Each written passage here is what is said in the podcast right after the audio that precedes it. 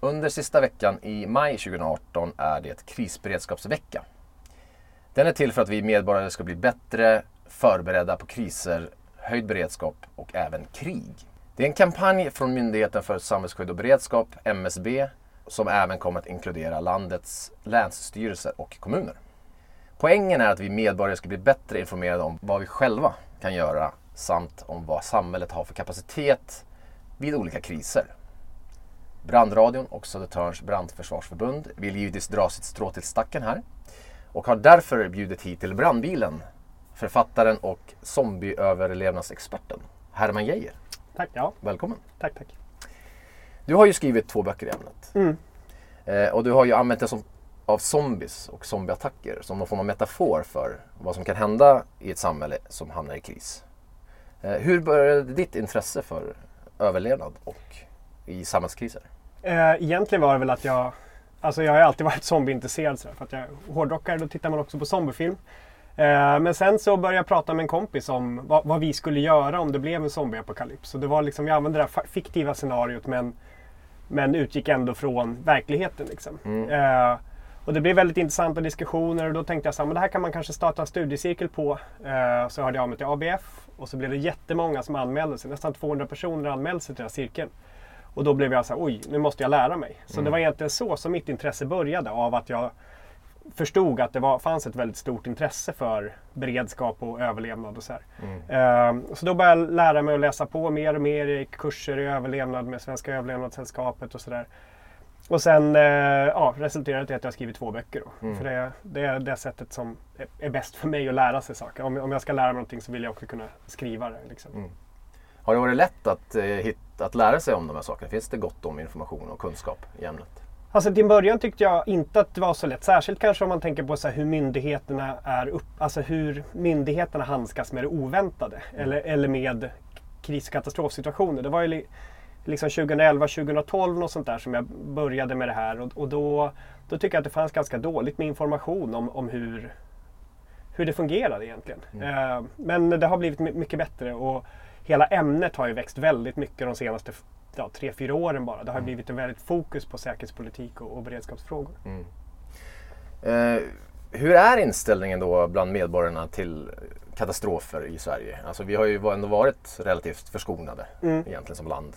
Eh, hur skulle du säga att vi medborgare, är vi redo för Alltså, oväntade? Ja, vi är mer redo än vi tror. Alltså de flesta tänker ju att så här, nej vi, jag har inte tänkt på det här, jag har ingenting hemma. Men börjar man väl titta så, så har folk ofta saker hemma och alltså, som de inte tänker på är bra utifrån ett katastrofperspektiv. Det finns ganska många sådana saker som är, är bra. En varmvattenberedare, liksom, då har man 300 liter vatten hemma. Eh, har man tillgång till eh, en husbil eller liksom har vandring som intresse så har man ofta de här alltså spritkök och sådana här saker. Eh, jag tänker att det är många som inte tänker på att de har beredskap Okej. ändå. Och myndigheterna då och samhället i övrigt, hur, hur förberedda är de skulle du säga? Enligt dig då? Ja, eh, jag skulle säga att det håller på att bli bättre i alla fall. Eh, det har ju varit ganska dåligt och jag tänker att egentligen sen så här EU-inträdet nästan när man avskaffade matlagren eh, och när man började så här, eh, ta bort de, ja, med tanken på att någonting kunde hända. Eh, den, den typen av nedrustning eh, lever vi fortfarande med idag. Liksom. Eh, men jag skulle ändå säga att det, det fokus som du har fått på senare tid så det håller på att bli bättre. Eh, men det är inte bra. Nej. Skulle jag säga. Okej. Vad, vad skulle du vilja se av myndigheterna att de skulle göra då? Eh, Finns det något konkret? Ja, alltså, jag, jag tror ju på så här frivilligkrafter som i katastrofberedskap. Att man ska involvera dem mer i, i olika typer av katastrofförebyggande åtgärder. För vad vi ser vad som händer vid katastrofer är att människor kommer, de vill hjälpa till, det kommer frivilliga. Det är frågan om, om man ska be, betrakta dem som ett hot eller, eller liksom en fara eller en resurs. Och det behövs ju någon typ av så här förberedelse för att de ska kunna bli resurser. Att man ska kunna använda människors vilja att hjälpa till eh, på ett konstruktivt sätt. Så det, det skulle jag säga, att man jobbar med folkrörelser, att man jobbar med, med det civila samhället i större utsträckning för att så här, öka eh, robustheten i samhället. Eh, för de kommer kunna fungera väldigt bra som katastrofhjälp när, om någonting väl skulle hända. Eh, men jag, du har ju nämnt några saker som man kan själv göra hemma. Finns det några fler tips? vad man själv kan ha liksom, enkelt hemma för att vara lite mer förberedd? Kanske? En av de viktigaste sakerna skulle jag säga är information. Mm. Eh, och då en sån här vevradio eller en batteridriven radio eller något sånt där. Eh, vad vi har sett på stora katastrofer som har hänt, eh, till exempel orkanen Sandy, intervjuar man folk efteråt. Vad var det de mest behövde? Och det var ju att kunna ladda sina mobiltelefoner. För det var så de fick information, det var så de kunde kontakta nära och kära. Eh, så att det är så här, eh, nå- någon typ av tillgång till information är jätteviktig och att man kan kontakta andra. Eh, men det behövs inte att alla hushåll har en varsin vevradio utan det är kanske att någon i varje trappuppgång har det men då krävs det också att man känner sina grannar. Och sådana här saker är ju också väldigt viktiga. Eh, och jag tänker att också så här, i boendesammanslutningar, i bostadsrättsföreningar, hyresgästföreningar, där borde man ju också prata krisberedskap.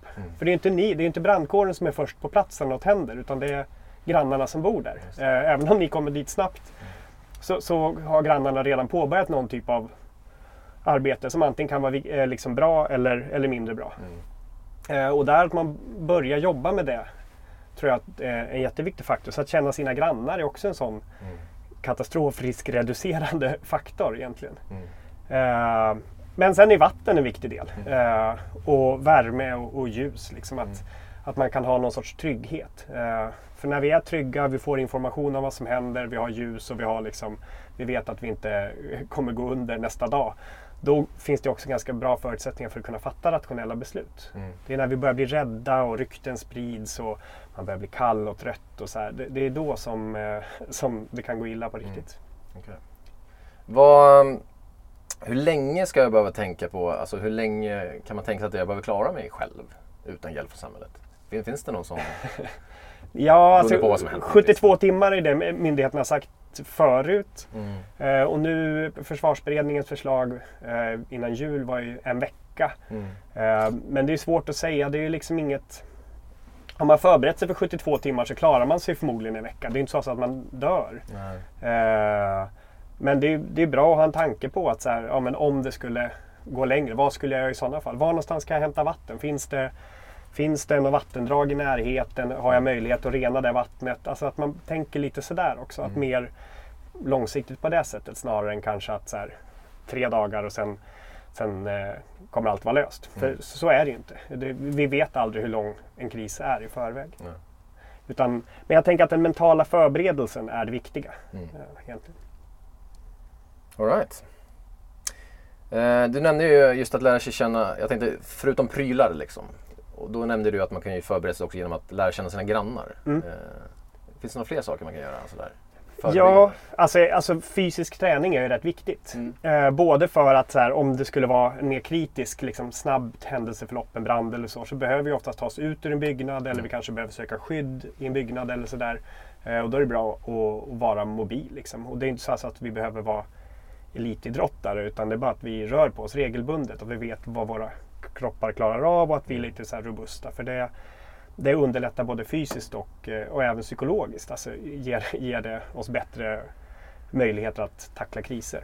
Eh, att vara organiserad, alltså att man har en, en förening eller någonting som man är med i som, som, kan, eh, ja, som kan finnas som stöd om man behöver eller som kan delta i någon typ av hjälparbete. Det finns många historier om liksom, ehm, organisationer som träder in och, och, liksom, och fyller en jätteviktig katastrof eh, eller en funktion efter en eller vid en katastrof eller någon typ av kris Mm. eh, som man inte kunde förvänta sig. Eh, så att det, sådana saker är också viktiga. Sen är kreativitet och improvisation. Att, att vi liksom kan gå utanför våra vanliga ramar och, och tänka på, på nya sätt. Liksom. För en katastrof innebär ju att någonting har gått snett. Mm. Och då behöver vi på något sätt hitta nya verktyg för att hantera den situationen.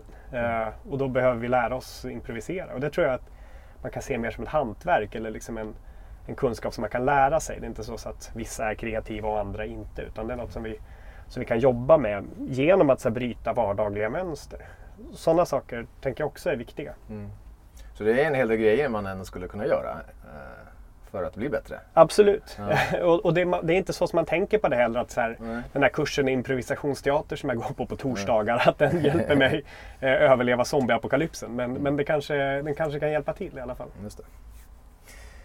Eh, finns det några tecken, eh, alltså det beror ju på vilken typ av kris vi pratar om, men finns det några tecken man kan se eh, som kanske liksom hintar om att nu, nu är det något på gång här? Alltså klimat, eh, klimatet är ju, är ju på riktigt alltså mm. ett stort hot och det, och det kommer medföra mer extremt väder. Om man jämför från 70-talet, under 1970-talet till, 20, till 2010 så ökade antalet eh, extrema väderfenomen, alltså torkor, extrem hetta, eh, översvämningar och sånt där, sju gånger. Mm. Eh, och det har att göra med klimatförändringarna. Så att vi kommer förmodligen få se mer stora bränder, översvämningar, alltså den här typen av händelser eh, som vi har varit ja, men ganska förskonade från i Sverige. Liksom. Mm. Tror jag kommer bli vanligare i alla fall. Mm. Sen tror jag också på någon typ av ekonomisk eh, kollaps inom en, eller liksom krasch i alla fall inom en ganska snar framtid. Och det handlar ju om att vår ekonomi helt är byggd på, på olja mm. eh, och att oljan förr eller senare kommer ta slut. Mm. Det kommer nå ett tillfälle där, där ja, kommer bli svårare. Så det, det, ser ju inte jätteljust ut men, men, eh, men det är inte så här att det kommer inte bli en zombieapokalyps inom kort. Liksom. det är inte så.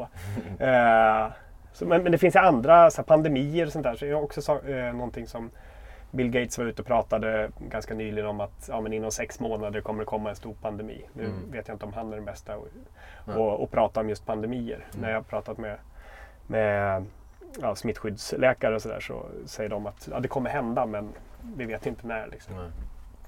Så om vi tittar på framtiden då, vad är det, liksom det troligaste tror du? Alltså en ökad sårbarhet, alltså mer strömavbrott, den här typen av händelser tror jag är någonting vi kommer få se. Eh, och då är det bra det kanske inte är livsnödvändigt, att de här 72 timmarna kanske inte handlar om att så här, rädda livet på så många, men det handlar om att, att livet blir väldigt mycket lättare om man är förberedd. Mm. Och jag tror också att det är lättare om man ska kommunicera med liksom, ungdomar till exempel som är väldigt, väldigt dåligt förberedda mm. eh, i allmänhet. Alltså i storstäderna.